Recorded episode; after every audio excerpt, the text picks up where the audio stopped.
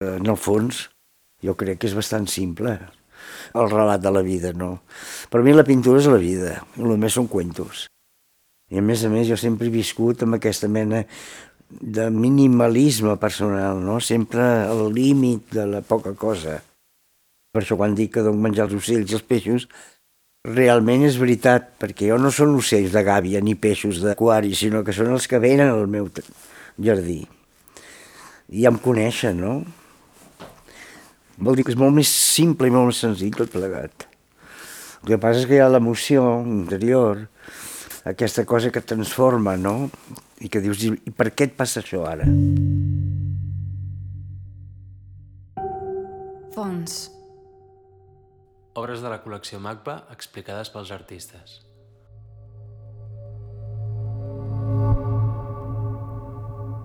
Alfons Borrell. Jo, com que sempre la pintura l'he tingut com una feina de vida,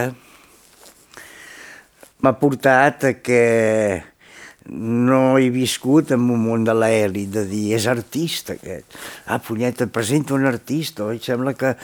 Sinó que jo he vingut de trepitjar la, el, el fang i la terra.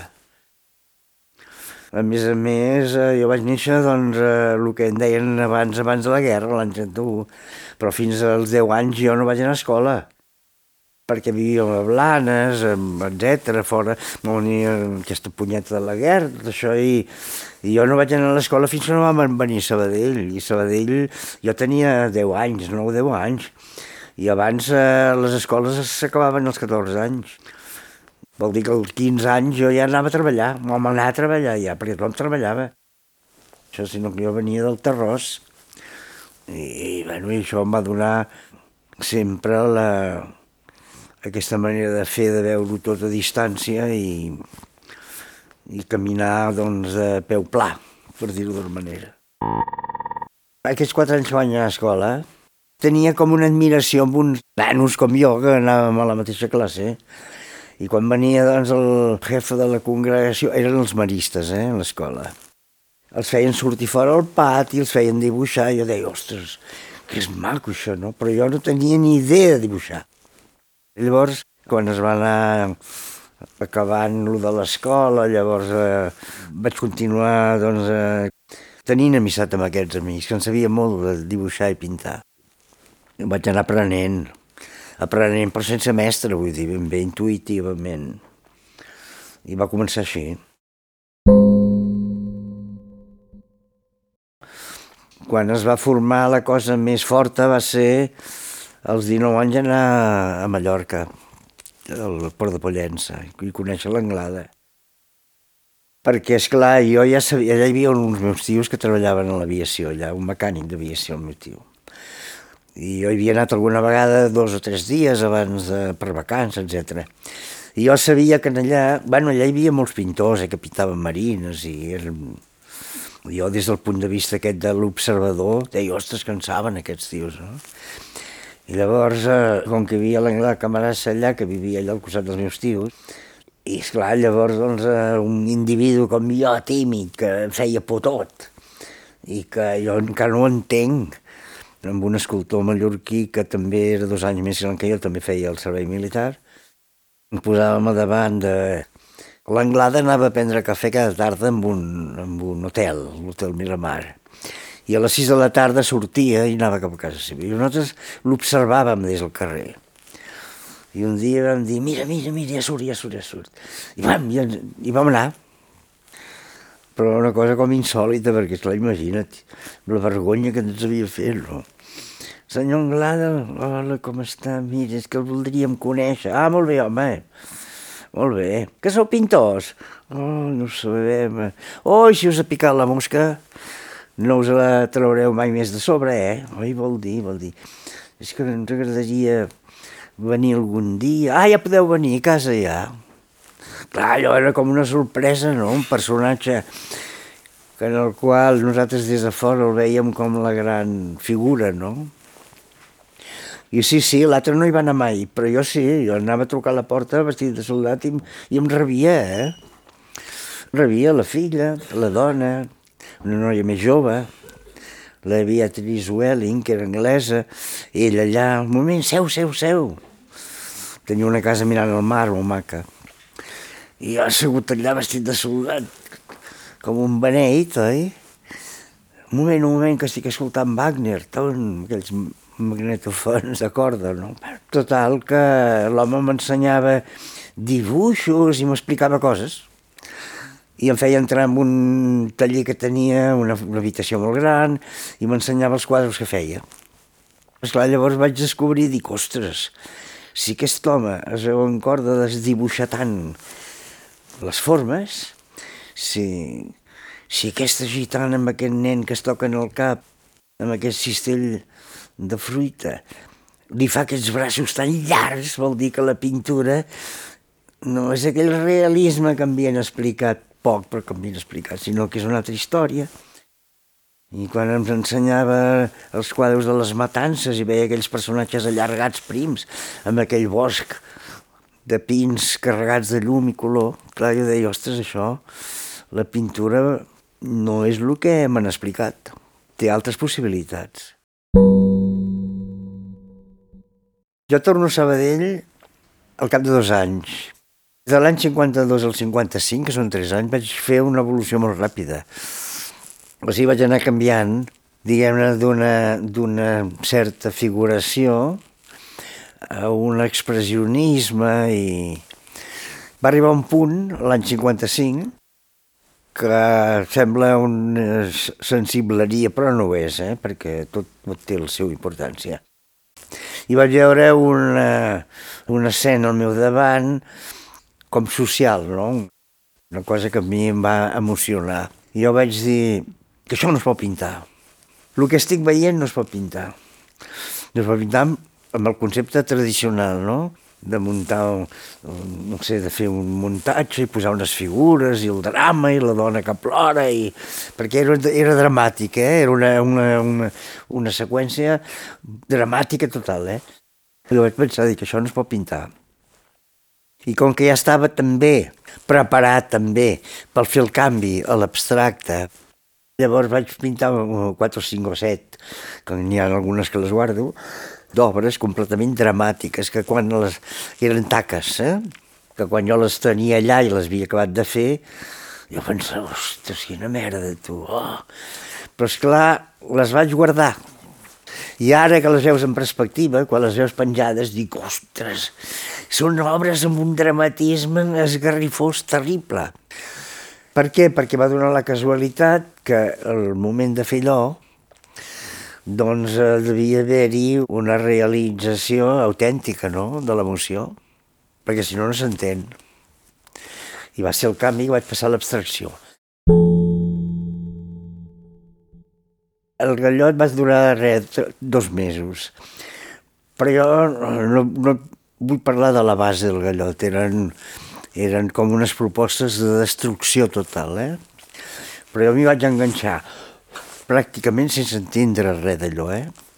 Però jo la pintura la trobava com més sublim, tot amb això més de claustre, no? I aquella colla anaven a destruir-ho tot, no? Llavors em vaig donar compte que quan es van pintar aquells 100 metres a la plaça Catalunya, que eren vuit pintors, quatre per cada banda de paper, tu anaves fent un gest, amb un color que, donava, que teníem, però que venia darrere de destruir el gest que tu fet. Després de pensar-hi molt, per això després vaig estar 7 o 8 anys sense pintar ni fer res. Eh? Jo vaig pensar, ostres, això és clar, hi ha una destrucció total. Per l'individu i per tot, no? Vol dir que la pintura, això va ser no en el moment de fer-ho, eh? Vaig pensar, la pintura s'ha de començar de zero. O sigui, tu has de començar de zero. I començar de zero vol dir començar de zero. Tornar a pensar que punyetes és la pintura, tornar a pensar, perquè esclar, la destrucció aquella era com mortal, no? En aquella època el Tàpies eh, tenia una influència terrible perquè, perquè havia no descobert, però havia fet, de la matèria havia fet una obra important. I esclar, era un gran pintor, no? Havia anat a París, i pues, veient fotria i això, va venir aquí, va, va fer la matèria. Llavors, esclar, allò era la pintura oficial. Però jo no m'hi enganxava mai a la pintura aquesta de matèria, perquè jo no, no m'agradava. No sabia com fer-ho anar. Alguna vegada havia fet alguna cosa de guix i ratllava del guix i sortia el negre de sota. Era diferent, era una matèria diferent. I llavors eh, el grup aquest, el Gallot, es va formar per anar contra la pintura, diguem-ne, oficial, que era la matèrica del, del Tàpies i d'altra gent. Eh? Però jo no m'hi haig enganxat mai, per això al marxar tots, uns van anar a París, els altres no sé què, eh? Jo vaig quedar-me aïllat sense saber cap on tirar.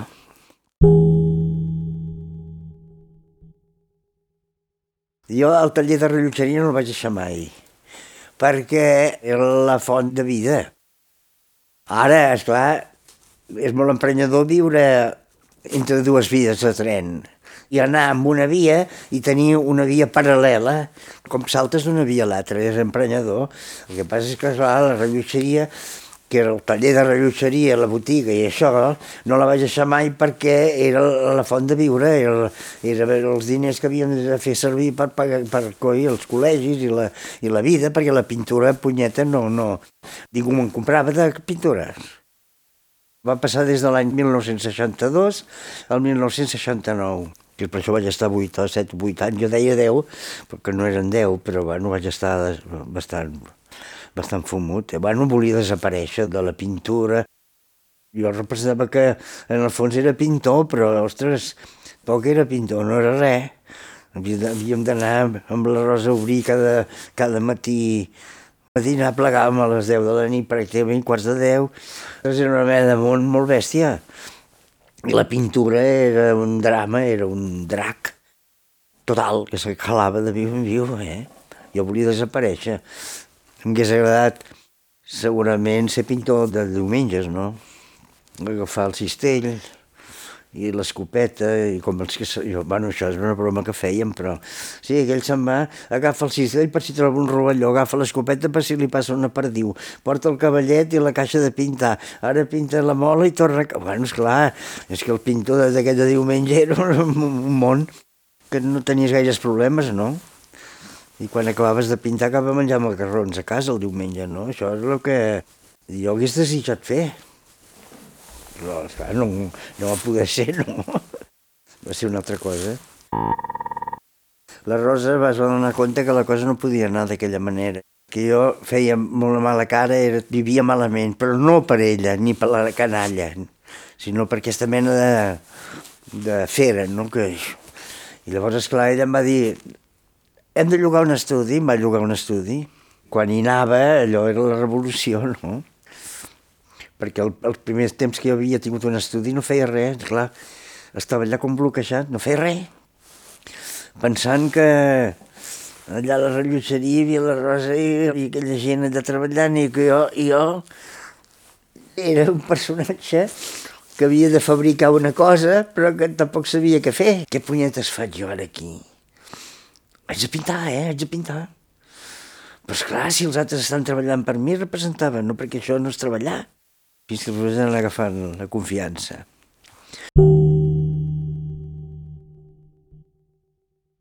Devia ser sobre l'any 74-75. A la Fundació Miró es va organitzar un grup que se'n deia Àmbit de Recerca. Llavors jo, per una sèrie de coincidències, de, que ens coneixíem molt amb el, amb el pintor Viladecans, ell m'hi va portar i m'hi van afegir dins d'aquest grup de pintors que se'n deia àmbit de recerca la Miró. Aquesta exposició que es va fer a la Miró, a mi van posar dues coses, que per ser molt dolentes, eh? Jo hòsties, quan me'l mirava, però les, les van penjar allà. Llavors, un col·leccionista, que ens coneixíem, em truca per telèfon i diu, escolta, Borrell, aquell, aquell Borrell que hi ha a la Fundació Miró, què ets tu? Dic, sí. Diu, Coi, em pensava que havies deixat de pintar. Es deia Manel Vinyes. Em va ajudar molt, eh? Un personatge encantador. Pensava que havies deixat de pintar, no, no, no. Coi, que tens galeria. Ostres, jo, que punyetes volia dir tenir galeria.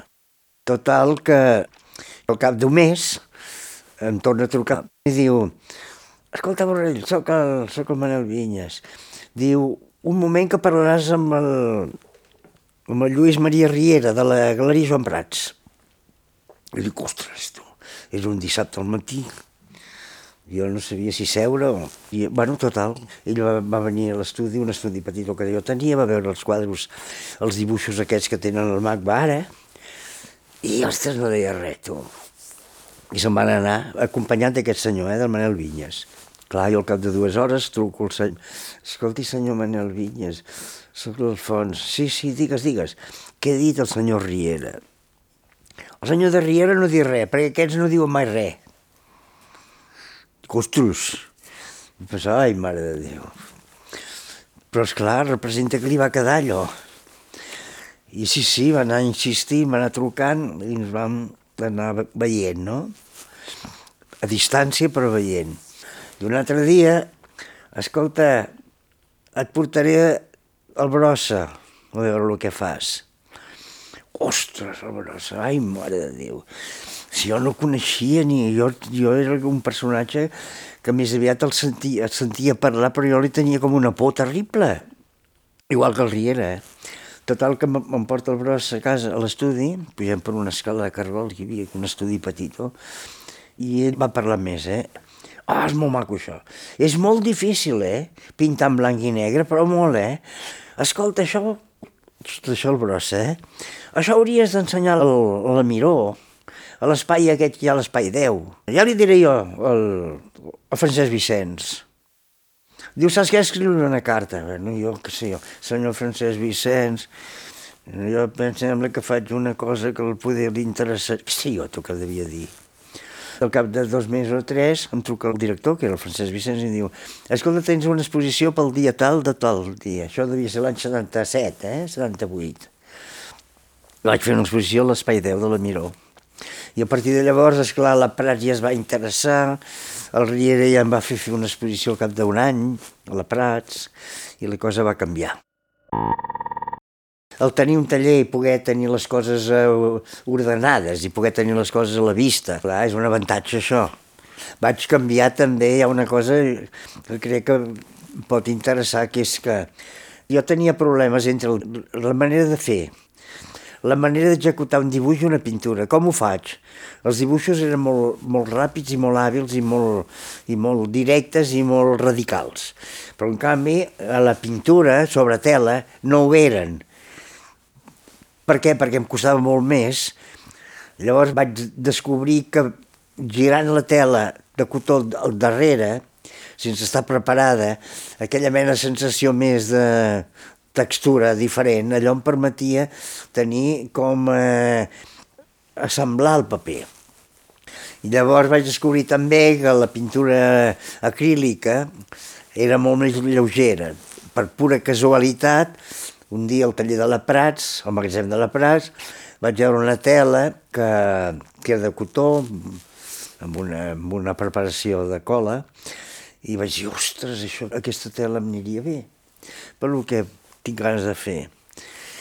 Perquè això, el paper jo el podia mullar i ratllar i tacar, i...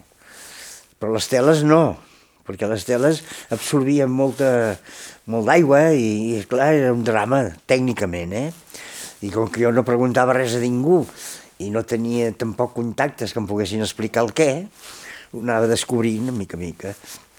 I això devia ser, no sé, devia ser a les èpoques aquestes del 78, 79. També em va anar molt bé fer unes... el brossa, clar, jo li dec molt el brossa també, perquè quan va veure, quan va venir l'estudi el que feia, amb ell li demanaven llistes per... Pi... Quan feien una, una exposició col·lectiva li demanaven llistes i hi va haver una exposició col·lectiva que es va fer al Centre Beaubourg de París, al Pompidou, que eren 11 pintors catalans, i el Brossa em va posar la llista. I no sé per quina casualitat em van triar. Van venir els francesos, el Riera Correguit es porta uns quadres aquí a la Paràs perquè venen avui, jo entrava per una banda i els francesos per una altra. I, bueno, i, i, i van triar, junt amb els 11 la Mat, bueno, tota una colla de pintors ja coneguts, no? Clar, allò, ostres, allò de fer una exposició amb tots aquests grans, diguem, per mi eren grans pintors, llavors allò ja va ser un pas important aquest, eh?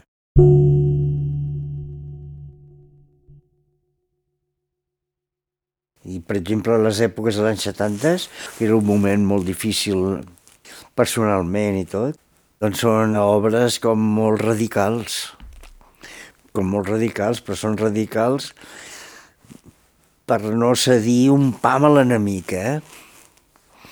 L'enemic és aquell que sempre espera, doncs, ai, tenir una obra en el qual sí, com agradable, no? Que punyet és agradable, si la vida no ho és d'agradables. Si la vida és una merda, tu, i has d'aguantar el xafa com pots. Hi ha una situació que també s'ha de remarcar, que és la següent.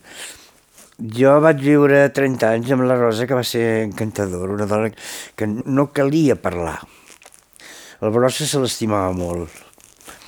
I jo havia fet unes obres, després va, va tenir una malaltia i es va morir, no? Bueno.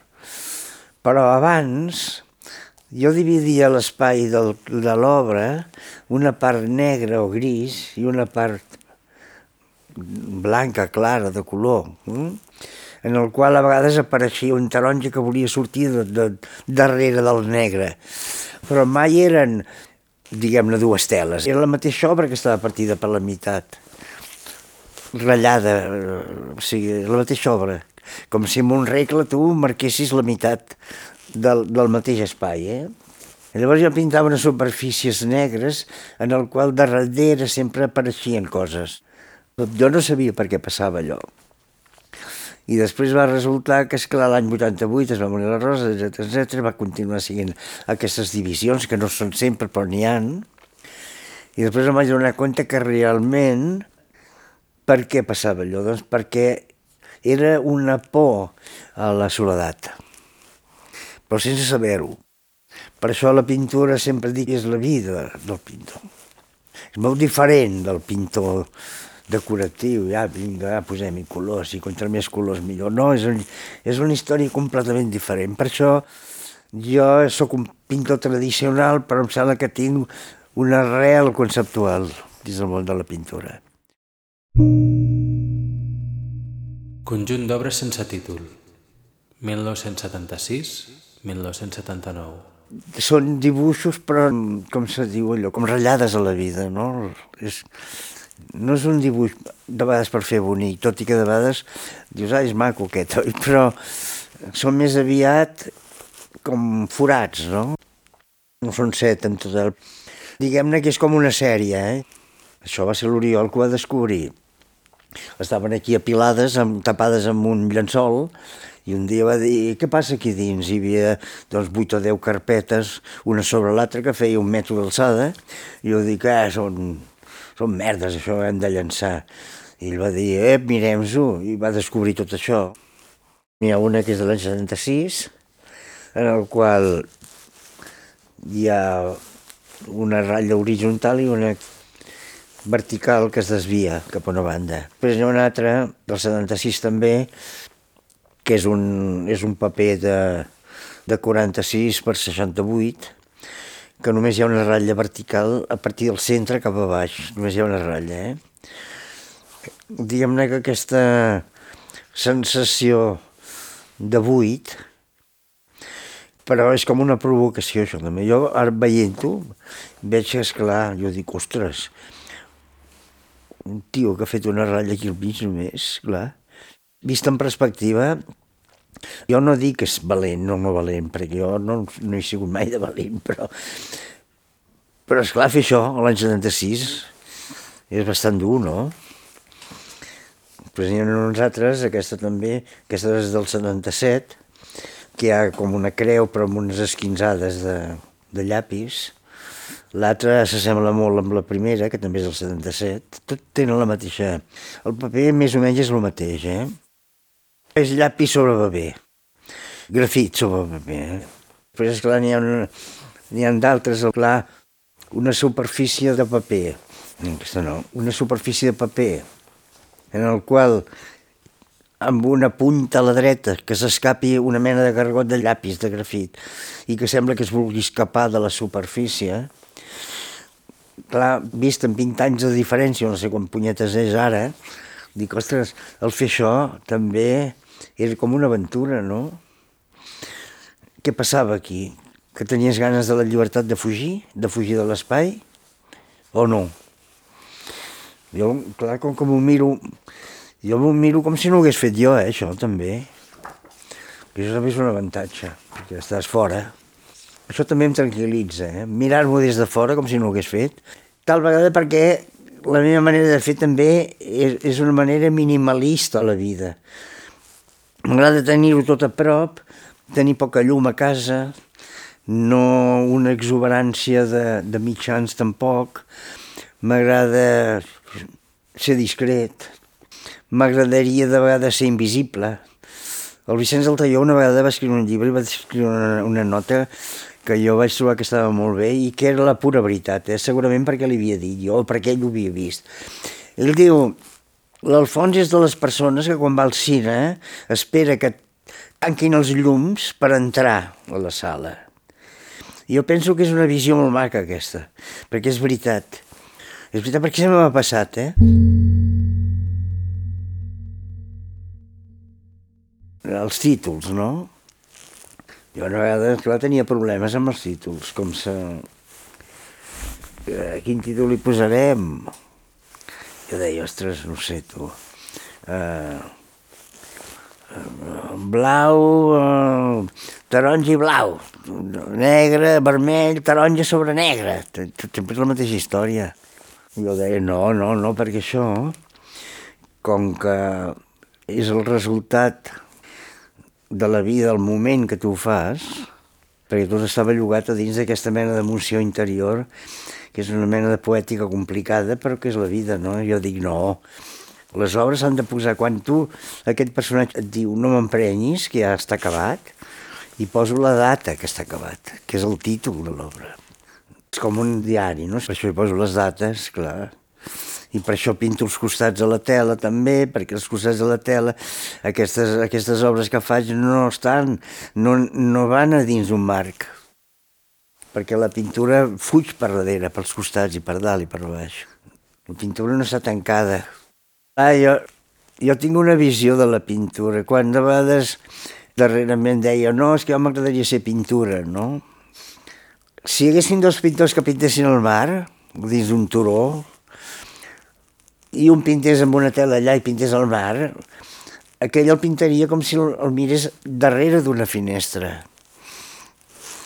Dic, però si l'altre pintor que està al costat doncs no tingués els elements, no tingués res a davant, ni cap suport, ni cap color, i en canvi baixés, baixés, baixés el turó, es fiqués a dins l'aigua, i aquella aigua, per comptes de ser salada i tal, tal, ell es tornés blau, perquè allò fos un tint de color blau, per comptes de ser aigua blava de mar, Clar, allò seria ser pintura, no? Voler ser pintura. És el concepte, exacte.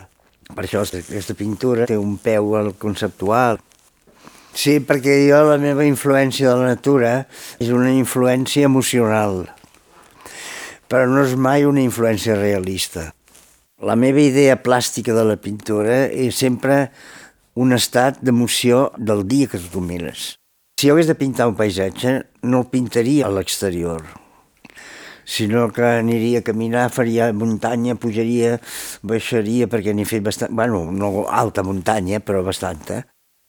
Llavors aniria a casa i llavors faria tota una sèrie d'obres en el qual hi haguessin les valls, tot això, la suggerència, diguem del paisatge, que és molt diferent d'anar allà i fer un, intentar fer el realisme de lo que tu veus, com una mena de còpia del paisatge. En canvi, si tu el sents i el trepitges, quan tu estàs tancat a l'estudi sol, allà surten turons, valls i muntanyes i... Vegades parlo del record i la memòria, jo. És igual, això, home, si el record i la memòria és el mateix. No, és el mateix. La memòria és la fotocòpia de lo que tu és, la fotocòpia. És el que el Bros en deia la còpia, no? I clar, l'original, això, això ho deia el Bros, eh? L'original era còpia deia ell, vull dir que li agafo, eh? No, l'original és el record, que és el tacte, l'abraçada, l'olor, la, el que sigui. Això és el record. El record és l'olor de la pluja, trepitjar la terra, menjar-te l'herba, tot això és el record. Però l'altre, el que no és el record, és la memòria, el que en diu memòria històrica, memòria, que és la fotocòpia de lo que ha passat, és una fotografia. I això jo ho tinc molt clar. Per això l'obra que faig per mi són records de la vida. Per això hi poso la data com a títol. Com ho saps que una obra està acabada? Això ho pregunten, no? Jo dic, ah, és molt senzill. És el més senzill del món. Oh, no, perquè és molt difícil. Mai saps quan està acabada l'obra. No, no, no, és molt senzill. Dic, com que el que tu estàs pintant és un altre personatge, és un personatge que et mira. Quan tu tens un dubte i dius, ostres, em sembla que li faltaria una mica de blau aquí.